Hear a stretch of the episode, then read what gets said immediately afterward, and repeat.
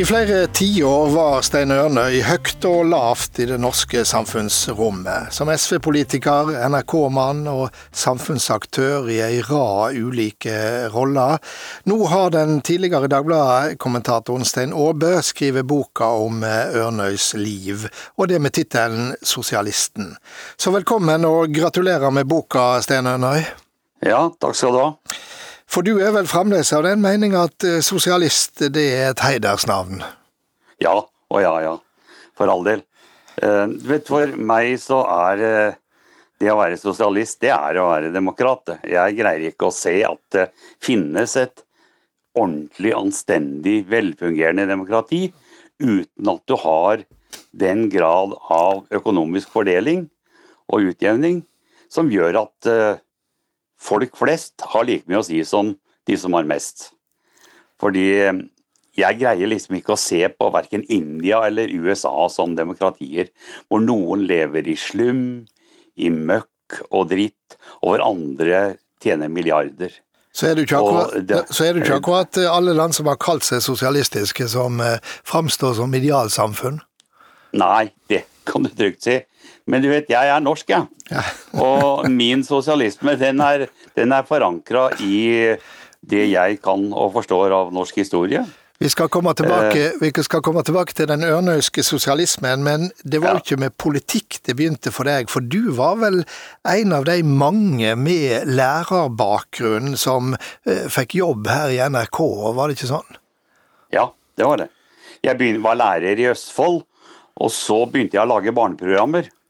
Ah, ja. Det var uh, forferdelig lenge siden. Det var i begynnelsen av 60-åra. Så da var jeg lærer uh, da, i full stilling i Østfold, og så laget jeg så, kosekrok og eventyrstund innimellom. ja. Og så går det vel an å si at du, du forlot både kosekrok og eventyrstund relativt raskt? Ja, det, det, det, går da vel an å si. Men eh, jeg har jo alltid vært en fredelig mann. Eh, at jeg ikke har vært opptatt av sånn, det får nå være andres sak. Men de som kjenner meg, de, de syns nok at jeg er en rimelig fredelig mann. Men med stort engasjement. Og antagelig med en viss rettferdighetssans. Kanskje litt utover det vanlige, om jeg skal få lov til å si noe om meg selv. Så du, du er en av de som er god på bønnen, altså? Ja, det sies så hos de som kjenner meg. Eh, det kan hende at noen av dem av og til kommer i tvil, men, men stort sett så har det nok vært sånn. ja. Du, la oss like godt først som sist ta ei historie som du sjøl sikkert er luta lei, fordi at det var da programmet ditt om sauesjukdommen Maddy midt på 70-tallet ble sendt i beste sendetid en lørdagskveld, og det ble ja. et lurveleven. Å, noe forferdelig. Noe forferdelig. Men du vet, det bygde jo på den forestillingen at den som laget programmer, også var kringkastingssjef og bestemte når programmene skulle sendes. Det programmet var opprinnelig laget for å sendes på en fredagskveld. Eller fredag, ja, seint eh, fredag kveld.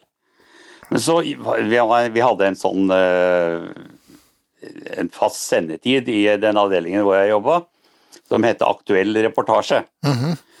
Så, men dette ble så vellykket at eh, programdirektør Otto Næss ville flytte det til lørdagskveld. Fordi han syntes at lørdagskvelden kunne også ha noe ordentlig stoff. og, og jeg prøvde, husker jeg protesterte, flere enn meg protesterte. Men nei da, dette var så fine greier. Og det var jo nytt tema hver lørdag. Og da hele denne forferdelige dyresykdommen herjet i begynte å herje i, i sauebesetningen i Norge. Ja. Altså Norsk landbruk var veldig opptatt av det. Og det var en stor konflikt innenfor veter, norsk veterinærmedisin. Så laget jeg et program om det. Og så ble det sendt da på gudskjelovskvelden. Og da sprengte sentralbordet i NRK. Så det var, det var tider. Jeg fikk skylda. Men Jarle Høysæter, som, som, var eh, min avdelingsleder, han stilte opp og, og forsvarte oss. Han gjorde det.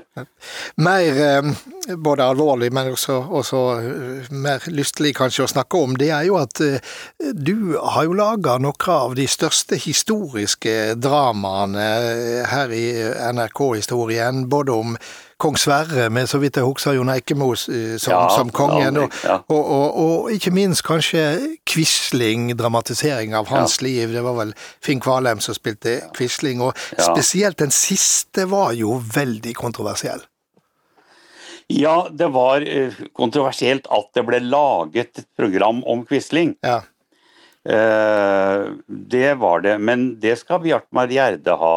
Da jeg kom med forslaget fordi jeg ville altså Det finnes jo et stenografisk referat av hele rettssaken. Og det jeg da var innstilt på å gjøre, og hadde lyst til å gjøre, det var å lage rett og slett en dramatisk fremstilling av rettssaken basert på det stenografiske referatet. Og da eh, Det skal Bjartmar Gjerde ha. Han sa det gjør vi. Og så gjorde vi det. Og det ble vel ikke så mye bråk etterpå. Tvert imot, jeg fikk vel nokså mye ros for det. Men de... Eh, av de store tingene jeg har laget, så er det vel 1814-serien som nok eh, jeg selv kanskje har vært mest fornøyd med.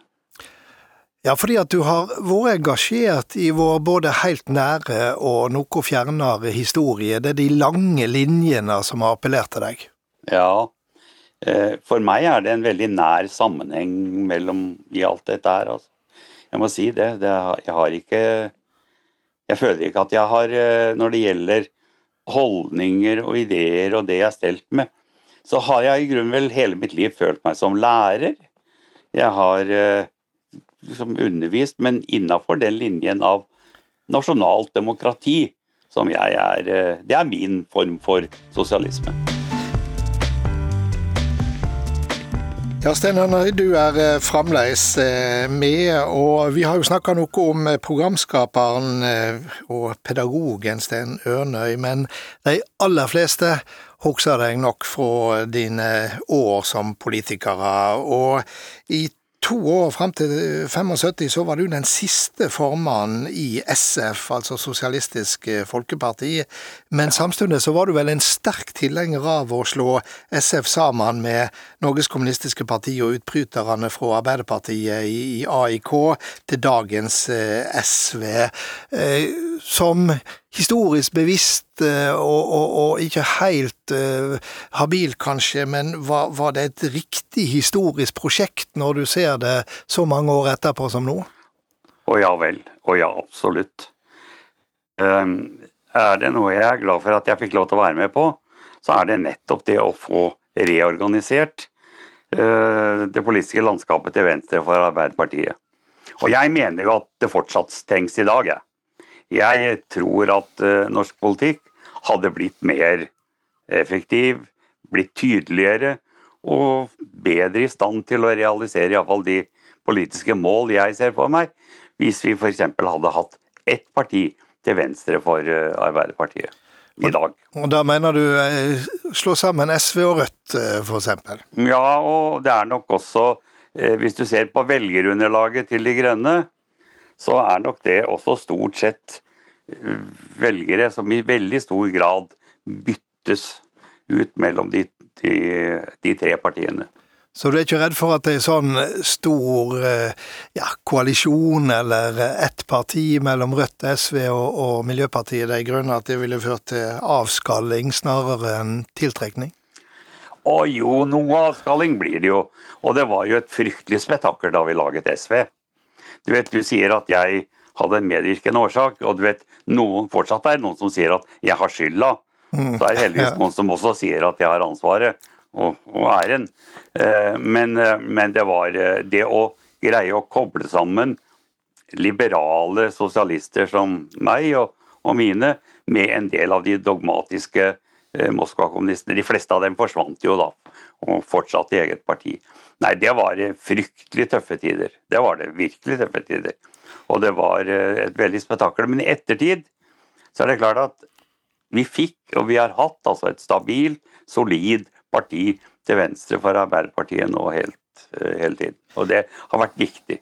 I Stein Aabøs bok om deg så blir du sitert på at eh, sitat, de som kjenner meg vet at jeg bare deltar i høylytte samtaler. Ja, jeg er nok ikke bakrommenes mann. Jeg er nok ikke det. Jeg liker nok å, å slåss i åpent lende når det gjelder politiske saker. Jeg gjør det. Ellers, da, da vi gikk ut av den forrige sekvensen her, Harald, så, så sa jeg eh, nasjonal sosialisme, og tenkte jeg på etterpå er, er folk klar over forskjellen på en nasjonalt forankret sosialisme og nasjonalsosialisme. Jeg håper det, at ikke det ble misforstått. Du, Her kan du trygt stole på lytterne til NRK P1 pluss. De, de, har det helt klart eh, for seg. Ja, Men, ja.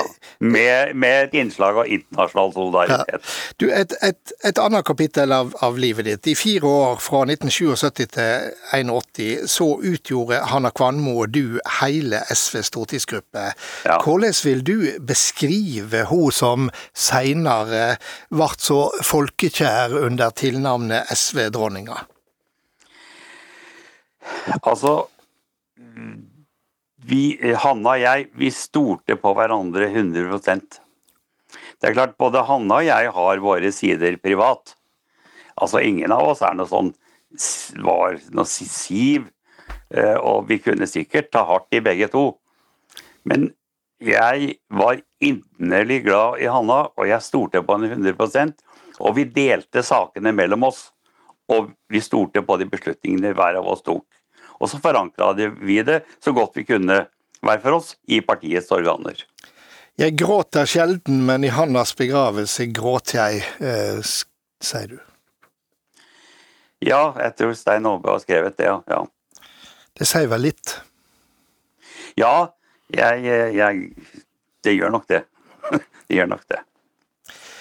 Lite skifte mot eh, slutten. Du satt i Forsvarskommisjonen som Kåre Willoch leia fra 1990 ja. til 92, og der satt også Jens Stoltenberg og Erna Solberg. Eh, ja. Det var et sterkt lag, men hadde du da fantasi nok til å se for deg Erna Solberg som framtidig statsminister, samtidig med at Jens Stoltenberg satt som generalsekretær i Nato? Ja La meg Jeg er vel mer eh, overrasket over at Nei, jeg, skal, jeg skal, ikke gjøre noen vurdering. Eh, men jeg, hadde nok, eh, jeg er ikke så overrasket for at Jens Stoltenberg handlet som generalsekretær i Nato. Ja. Ja, er, du, er, du, mer overrasket over at Erna Solberg var statsminister? Ja, kanskje, men på den annen side. De unge som ble sendt inn i, i den forsvarskommisjonen av partiene, de var jo sendt dit for å lære sikkerhetspolitikk. De ble satt på, som de sa. Slik at det var jo eh, allerede da veldig klart at Erna ville være en kommende stjerne i Høyre. Og eh, du har sikkert mye å si både om Erna Solberg og Jens Stoltenberg, men, men eh, du kan vel ikke skylde de for ikke å være lærenemme?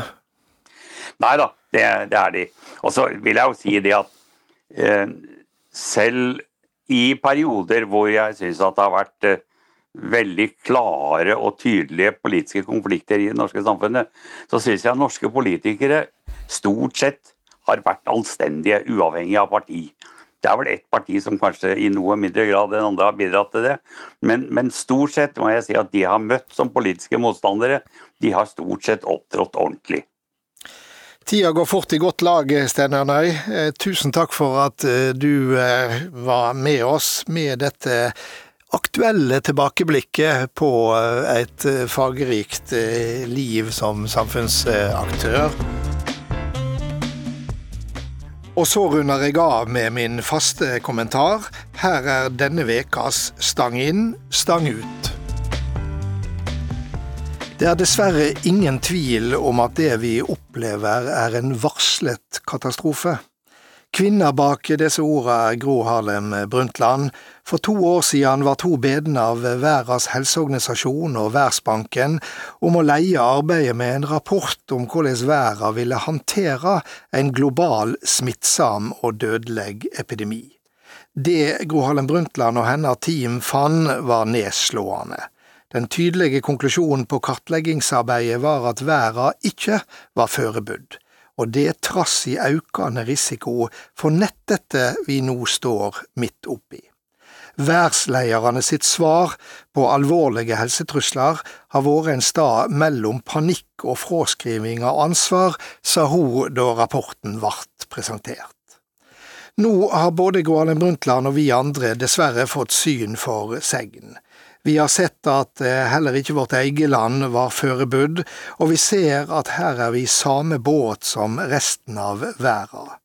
I Norge har denne krisa allerede utløst en debatt om beredskapen vår, har vi nok korn på lager, hva med medisinsk utstyr, og hvordan står det til med vår egenproduksjon av viktige varer vi så sårt trenger når ei krise fryser ned den internasjonale handelen. Debatten er ikke ny. For det er liten tvil om at den kalde krigens nasjonale beredskapstenkning har sluppet taket i oss. På dette området har vi vært ganske bekymringsløse i en del år nå. De som har snakka om beredskap, har nok eh, ofte blitt sett på som masete og krisemaksimerende, for det er alltid så vanskelig å ta inn over oss at det verste faktisk kan skje.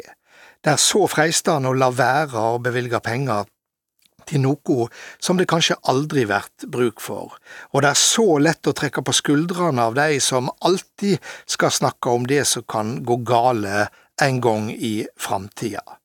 Nå ser vi resultatet av vår manglende kollektive bekymring. Ei varsla katastrofe er Gro Harlem Brundtlands ord. Den må vi stå av både som enkeltmenneske og som samfunn. På et eller annet vis skal vi nok greie det, og på den andre sida av krisa er det dyrekjøpte lærdommer å hente. Vi ser det også at alt nå arbeider mange og godt med å ta inn over oss dette nye alvoret. Og uansett er det ingen grunn til ikke å bære fram det alltid like velmente ønsket om ei god helg.